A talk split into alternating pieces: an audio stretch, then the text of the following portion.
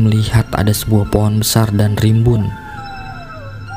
Dikelilingi oleh semak, terlihat Buati berjalan menuju pohon tersebut sambil membawa nampan yang berisikan sesuatu dan meletakkannya di depan pohon besar tersebut. Sambil menyalakan lilin dan duduk sambil bersila seperti sedang mengucapkan doa atau mantra. Dengan rasa penasaran, Budi pun diam sambil memperhatikan Buati dari balik kaca dapur.